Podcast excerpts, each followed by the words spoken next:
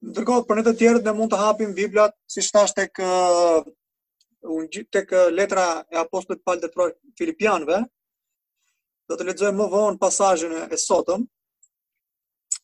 Predikimi i sotëm titullohet Perspektiva e jetës në Krishtin, themeli dhe dy cilësitë e saj. Është diçka që kam mësuar gjatë kësaj kohe dhe siç thashë, kisha dëshirë ta ndaja bashkë me me ne të gjithë, shpresoj të jetë inkurajim për për të gjithë. Ë uh, fillimisht ajo që do thoja është që ne jetojmë në kohë jo të qeta. Ë uh, është vështirë të gjesh uh, qetësi në këtë kohë, është vështirë të fokusohesh te gjëra të rëndësishme. Tek Perëndia, kështu që uh, shpresoj që ky mesazh të jetë inkurajim uh, për ne. Uh, lexova, kam lexuar kohë më parë, por së fundmi jam jam rikthy rikthyer te një material i cili teksti i të cilit ishte një shprehje që më bëri përshtypje, një autor i njohur i krishterë thotë ka thënë jeta është 10% ajo që më ndodh mua dhe 90% se si reagoj unë ndaj saj.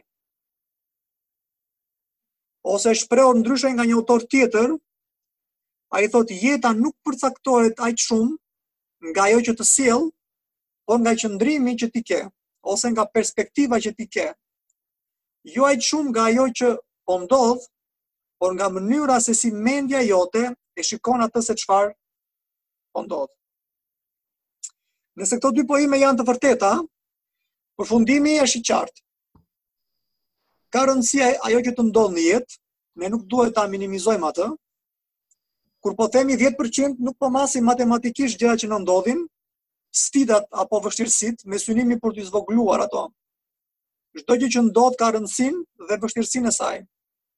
Ajo që theksohet te këto dy pohime është që pavarësisht se çfarë ndodh, ajo që ka më shumë rëndësi është qëndrimi apo perspektiva jote për jetën.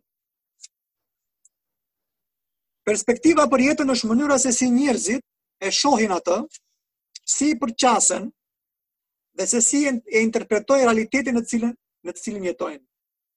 Me fjalë të tjera, me çfarë syri apo lenteje e sheh jetën dhe mbi çfarë baze e interpreton atë. Ka shumë faktorë që ndikojnë në mënyrën se si ne interpretojmë jetën. Së pari Së pari mund të mund të veçojmë mendimet tona, e ndikojnë perceptimin tonë, perspektivën tonë, qëndrimin tonë, dhe së dyti, gjendja e vështirë ose sfida, situatat e vështira, kanë tendencën ta ndikojnë, në përgjithësi kanë tendencën ta ndikojnë negativisht perspektivën tënde për jetën, nëse nuk, nëse nuk menaxhohen siç duhet. Për ne si ndjekës të Jezusit, perspektiva e jetës sonë duhet të jetë në Krishtin. Nëse perspektiva jonë është në shpëtimtarin tonë, atëherë në themel të saj do të qëndrojnë dy të vërteta. Ato këto dy të vërteta në fakt janë dy të vërteta bazë ose dy aspekte kryesore të ungjillit, të cilat janë dashuria e Perëndisë dhe hiri i Perëndisë. Pra nëse jeta jote, nëse jeta ime ka si perspektivë të saj Krishtin, Dhe themeli i saj është e vërteta e ungjillit, dashuria e Perëndisë, hiri i Perëndisë. Si rezultat ose e pritshme do të jetë që jeta jote ose jeta ime do të karakterizohet ose jeta jonë si kishë do të karakterizohet nga dy cilësi. Së pari nga dashuria për Perëndinë dhe së dyti nga dashuria për njerëzit. Le të le të ndalemi tek pasazhi për sot, pra si thashë më parë tek letra e Filipianëve kapitulli i parë duke lexuar nga vargu i 3. Apostulli Pal është duke i shkruar kishës në Filipin, në këtë kohë që po shkruan apostulli Pal është i burgosur në Romë. Dhe ai dhe ai i shkruan kishës duke nisur nga vargu i 3. Ai thotë, e falenderoj Perëndinë tim sa herë që ju kujtoj, duke u lutur gjithmonë me gëzim për ju të gjithë në çdo lutje që bëj. Për pes për pjesëmarrjen tuaj në ungjillin që nga dita e parë e deri tani. Duke qenë i bindur për këtë, se ai që nisi një punë të mirë në ju, do ta përfundojë deri në ditën e Jezu Krishtit. Dhe është e drejtë që unë të ndiej këto për ju të gjithë, sepse ju kam në zemër, sepse ju, si në vargonjtë e mi, ashtu edhe në mbrojtjen dhe në vërtetimin e ungjillit, jeni të gjithë pjesëtarë me mua të hirit.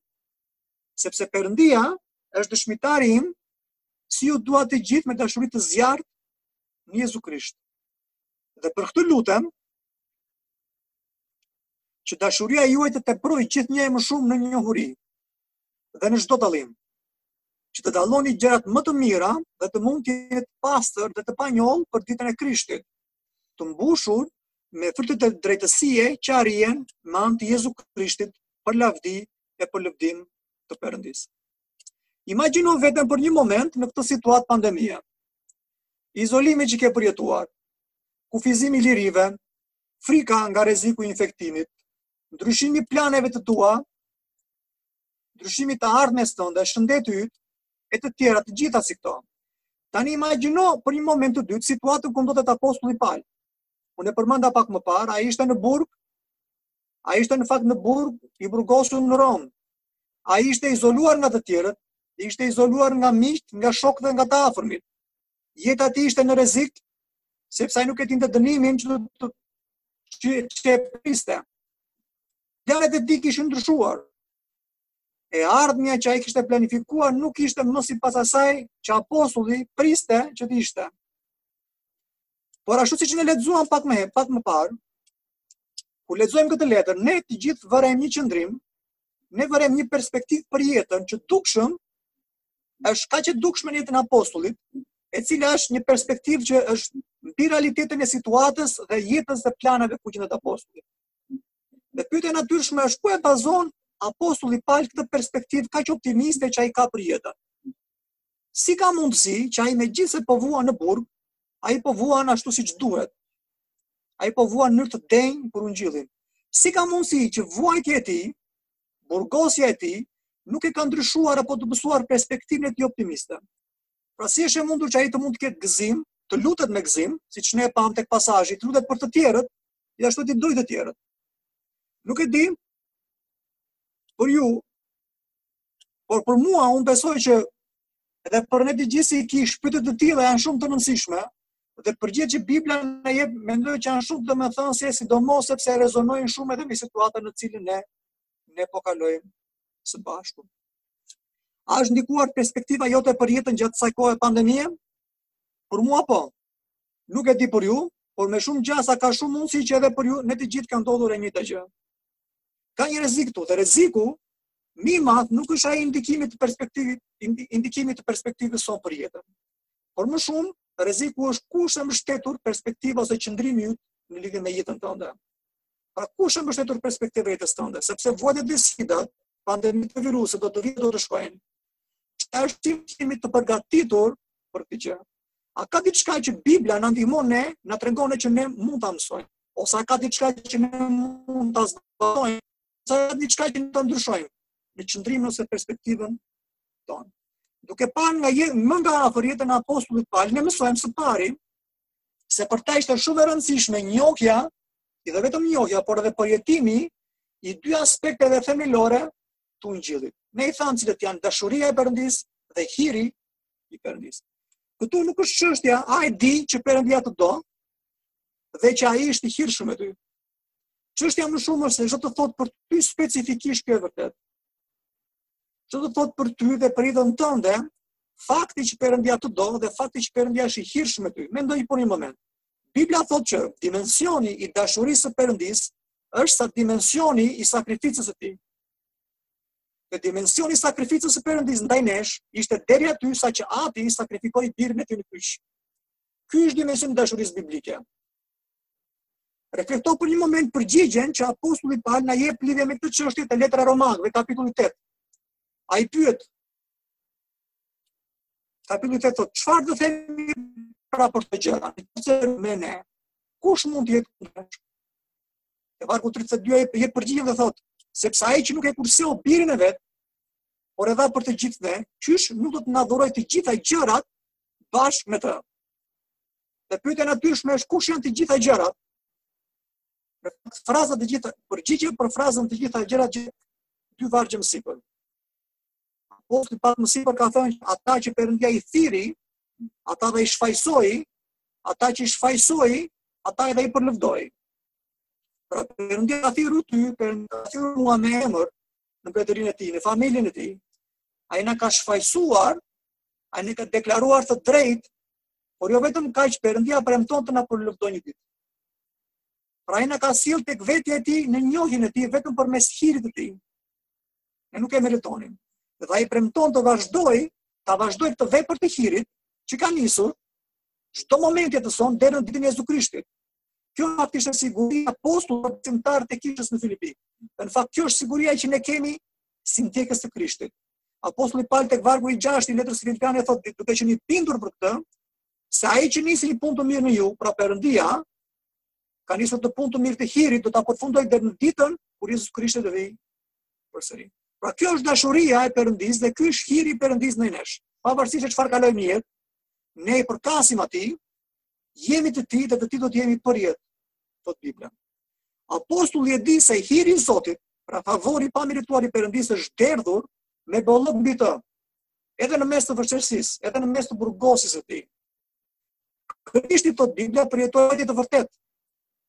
Për ne, apostulli dhe për ne, kështu që ne në mes të vuajtjeve, ashtu si apostulli Pal, të mund të jemi të sigurt për dashurinë e Krishtit ndaj nesh. dhe mund të vërejmë përmes vargjeve që apostulli mezi po pret për ditën e Krishtit, kur vuajtja e tij do të marrë fund dhe do të jetë ballë për ballë me Zotin të cilin ai e do. Krishti vuajti për ne motra dhe vëllezër, ai përjetoi vetmi në mes të vuajtjes, që ti dhe unë të mos jemi më kurrë vetëm në mes të çdo vështirësie të jetëve tona. Ky është lajmi i mahnitshëm dhe i mrekullueshëm i ungjillit. Ai që Bibla mëson, Përtej kësaj është që ne jo vetëm duhet ta dimë këtë të vërtetë, por ne duhet ta personalizojmë këtë të vërtetë. Ne duhet të meditojmë rreth saj, ne duhet t'ia flasim vetes sonë këtë të vërtetë të ungjillit, dhe ta bëjmë tonën, dhe të abim pjesë të mendimeve, të mendjes e të zemrës. Ashtu siç mund të vërejmë tek psalmet, ku psalmisti thotë i flet shpirtit të tij, thotë shpirti im mos u dëshpëro. Dhe t'i flasim vetes sonë duke thënë përmes çdo situate i përkas Krishtit, jam i tij në këtë jetë, përmes çdo situate dhe i tij do të jem përjetë pavarësisht se çfarë po kaloj tani. Kjo e vërtetë motra dhe vëllezër do të jetë do të jetë themeli ynë, do të jetë themeli i të menduarit tonë. Përndryshe nuk mund të përballosh rrymën e fortë të sfidave dhe të mungesës së paqes në këtë jetë pa u mbështetur tek dashuria dhe hiri i Perëndisë për ty si një ndjekës i Krishtit. A e sheh apostullin, shiko jetën e tij. Kjo që po flasim, kjo që Bibla thotë nuk është thjesht një ushtrim mendor, për shembull ja si ne duhet të mendojmë dhe vetëm kaq.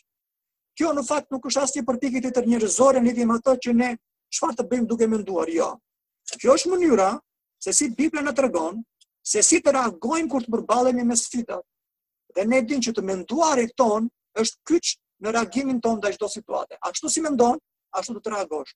Pra ne duhet të kemi do të kemi theksin te të menduarit tonë, sepse nëse e menduari ynë ndryshon, edhe natyrshëm reagimi ynë do të jetë në bazë të asaj që mendojmë. Dhe të menduarit tonë ndryshon përmes reflektimit, përmes meditimit të së vërtetës së ungjillit. Këto fraza që themi janë të vështira në këto kohë jo të qeta, fraza të tilla si reflektim, meditim i së vërtetës, duken fraza jo të huaja dhe janë të vështira për ne. Por ju nxis, motra dhe vëllezër dhe veten time, që të mund të marim ko, të mund të disiplinojmë veten tonë, që të mund të marrim kohë për të medituar rreth fjalës, sepse nuk ka mënyrë tjetër se si fjala mund të bëjë vend në zemrat tona. Ti dhe unë do të reagojmë në një mënyrë ose në një tjetër, sido që të jetë puna.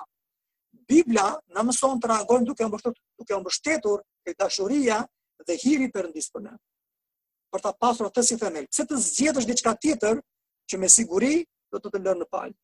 Pra së pari mund të themi që ky është themeli dhe themeli është ungjilli, është dashuria dhe hiri i Perëndisë janë damarët kryesorë të ungjillit.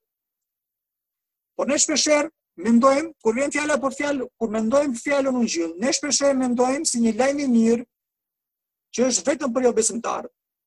Ne shpeshherë i referohemi ndarjes së ungjillit me të tjerë duke patur në mendje automatikisht jobesimtarët.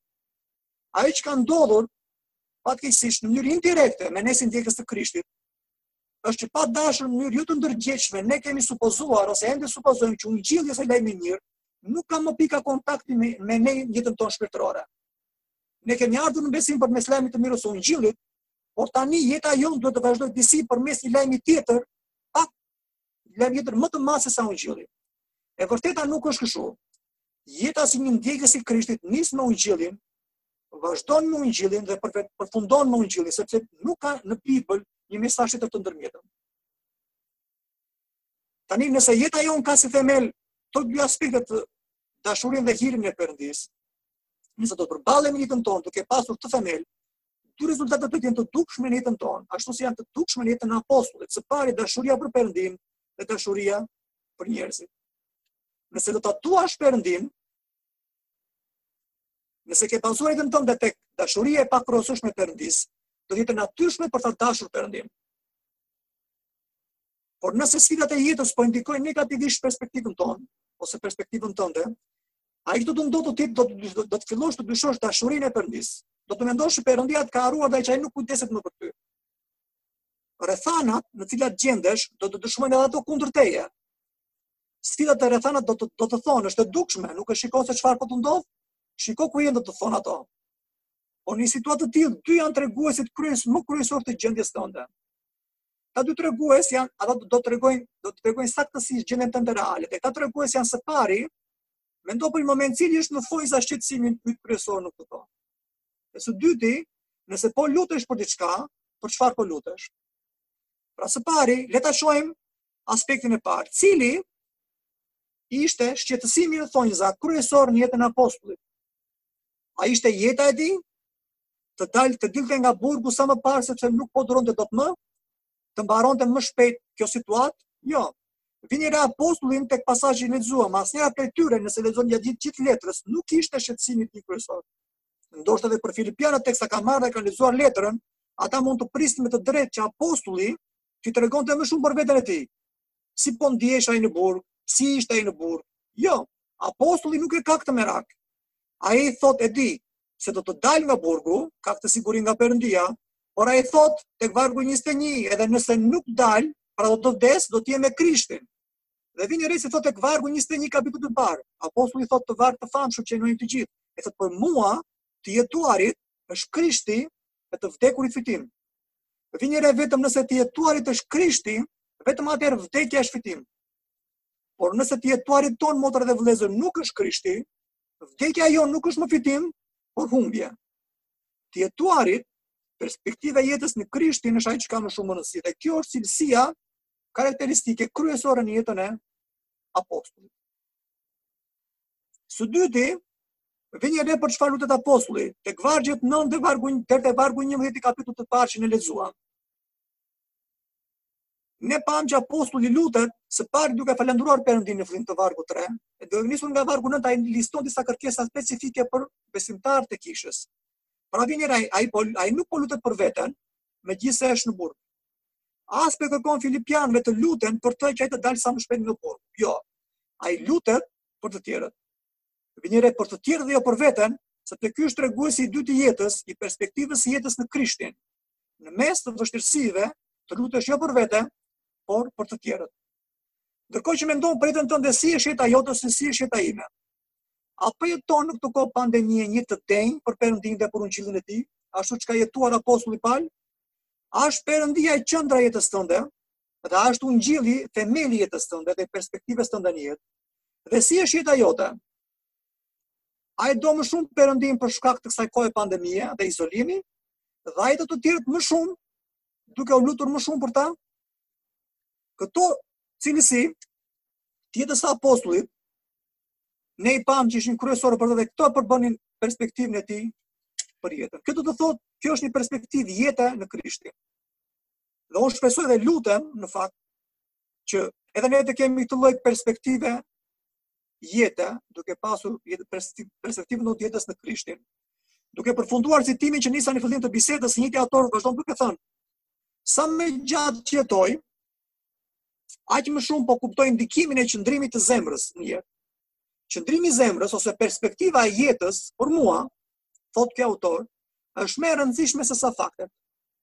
Është më e rëndësishme se sa e kaluara, është më e rëndësishme se sa arsimimi, se sa paraja, është më e rëndësishme se sa rrethanat dhe më e rëndësishme se sa dështimet, më e rëndësishme se sa sukseset, më shumë e rëndësishme se sa ajo që njerëzit e tjerë mendojnë, thonë apo bëjnë.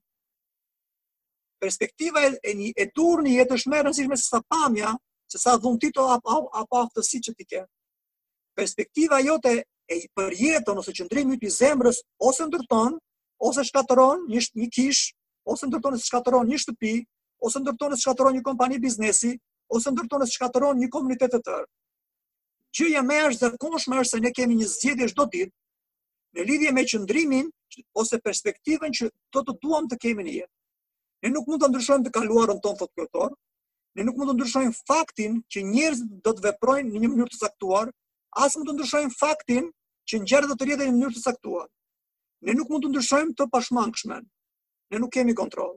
E vetmja gjë që mund të bëjmë është të lëvizim në të vetmin varg të jetës sonë, e cila realizohet përmes marrjes së vendimit të duhur për të pasur perspektivën e duhur tonë për jetën. Ai konkludon me varë me citimin që lexova në fillim fare, ku thotë që jam i bindur, thotë ky autor që jeta është 10% ajo që më ndodh mua, si dhe 90% e mënyrës se si unë reagoj ndaj saj. Edhe kështu është edhe me ju thotë ne jemi përgjegjës për qëndrimet tona. Kjo ishte ajo që unë kisha menduar e kisha përzem më për të ndarë së bashku. E në fakt do doja që të lutesha me lutjen e lutjen e apostullit Pal për filipianët. Nga vargu i vargu i 9 deri në vargun 11, do ta mbyllja me këtë lutje, me këtë kërkesë që apostulli lutet për kishën në Filipi, që atë të lutesh edhe për gjithë ne, nëse kështu le të lutemi së bashku.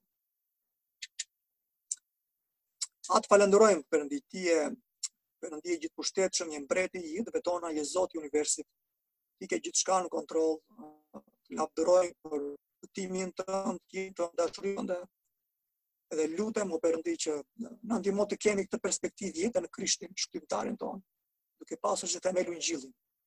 Edhe lutemi o Perëndi, lutem që dashuria jonë siç u lut Pali për filipianët, të mund të teprojë o Perëndi në njohuri, njohurinë e fjalës së të vërtetës tënde. Edhe në çdo dallim o Perëndi, në çdo dallim të çdo situate ku ne jetojmë.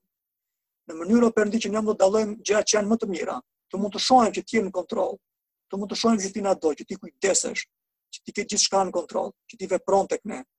Dhe lutem o Perëndi i dashur, na ndihmo Zot që të mund të jemi të panjollë, o Perëndi, të pastër për ditën e Krishtit, të mbushur me fryte drejtësie, të mbushur plot me dashuri për ty dhe plot me dashuri për të tjerët, dhe dimë që kjo realizohet vetëm përmes teje, përmes shpirtit tënd të shenjtë në ne.